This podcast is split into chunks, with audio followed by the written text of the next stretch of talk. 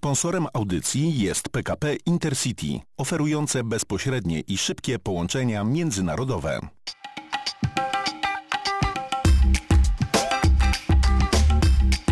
Audycja pod różna.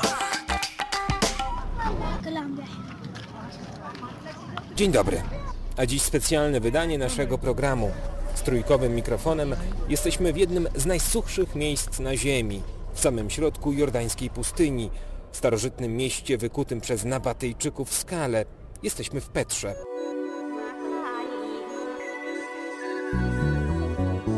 Po mieście oprowadza mnie Jordańczyk Masgal.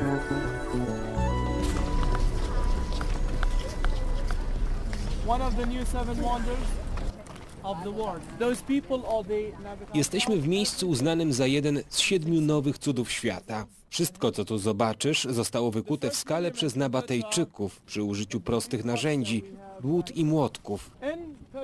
Historia Imperium Nabatejczyków zaczęła się mniej więcej w IV wieku przed naszą erą.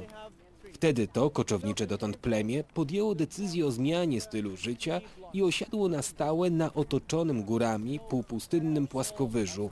Te tereny były praktycznie nie do zdobycia. Jedyna droga do niego wiodła przez wąski skalny wąwóz, w którym teraz jesteśmy.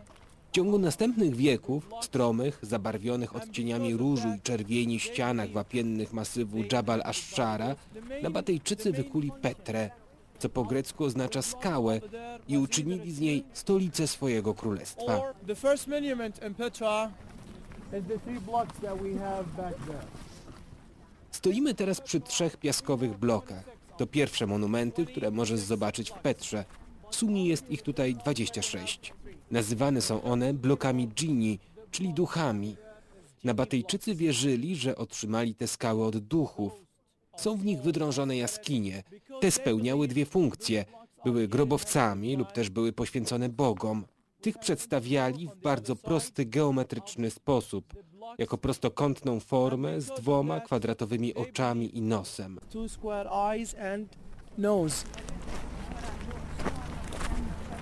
Jesteśmy w jednym z grobowców y, wykutych w skale w Petrze, no i w nim niesamowite echo,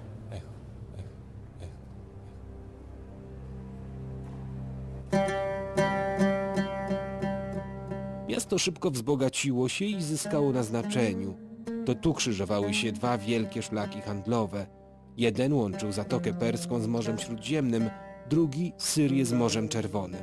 Znalazło to odzwierciedlenie we wspaniałych, monumentalnych budowlach, świątyniach, grobowcach i teatrze mieszczącym 10 tysięcy widzów.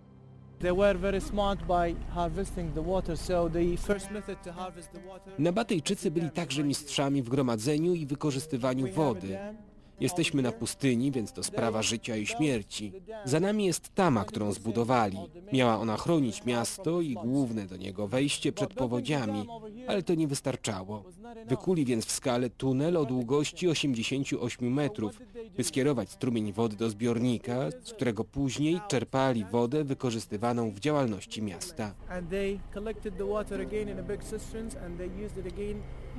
for irrigation. Ważną rolę przy budowie Petry odegrała astronomia. Starożytni architekci nieprzypadkowo wybrali miejsce i sposób konstrukcji budowli. Jednym z najbardziej oczywistych przykładów takich powiązań jest największa świątynia Petry, Deir. Przechodząc przez bramy podczas zimowego przesilenia, światło zachodzącego słońca oświetla święte miejsce, podium z wyobrażeniem bóstwa. W tym czasie, gdy spojrzeć na horyzont samego podium, zachodzące słońce oświetla sylwetkę stojącej naprzeciw góry w taki sposób, że tworzy ona wizerunek głowy lwa. A lew uważany był przez Nabatejczyków za wcielenie bogini Al-Uzza.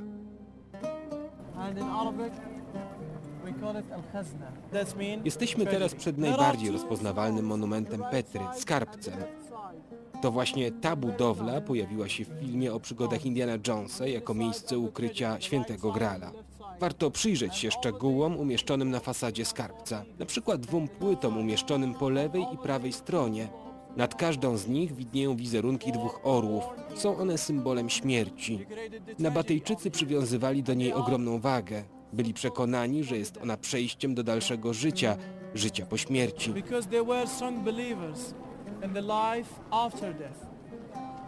Bardzo długo nie wiedzieliśmy, jaką rolę pełnił skarbiec. Były różne teorie na ten temat. Dopiero badania archeologiczne z 2004 roku rozwiały wątpliwości. Mamy przed sobą miejsce pochówku jednego z nabatejskich królów, Aritesa IV.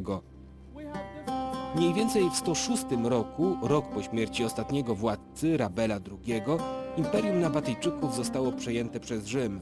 Rozwój Petry trwał do III wieku naszej ery, kiedy to na otwarciu nowych szlaków handlowych skorzystało inne miasto, Palmira, na północny wschód od Damaszku.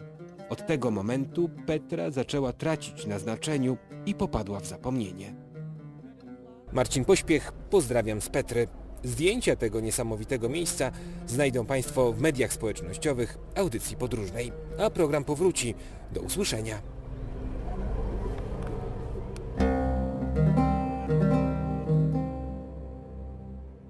Sponsorem audycji jest PKP Intercity, oferujące bezpośrednie i szybkie połączenia międzynarodowe.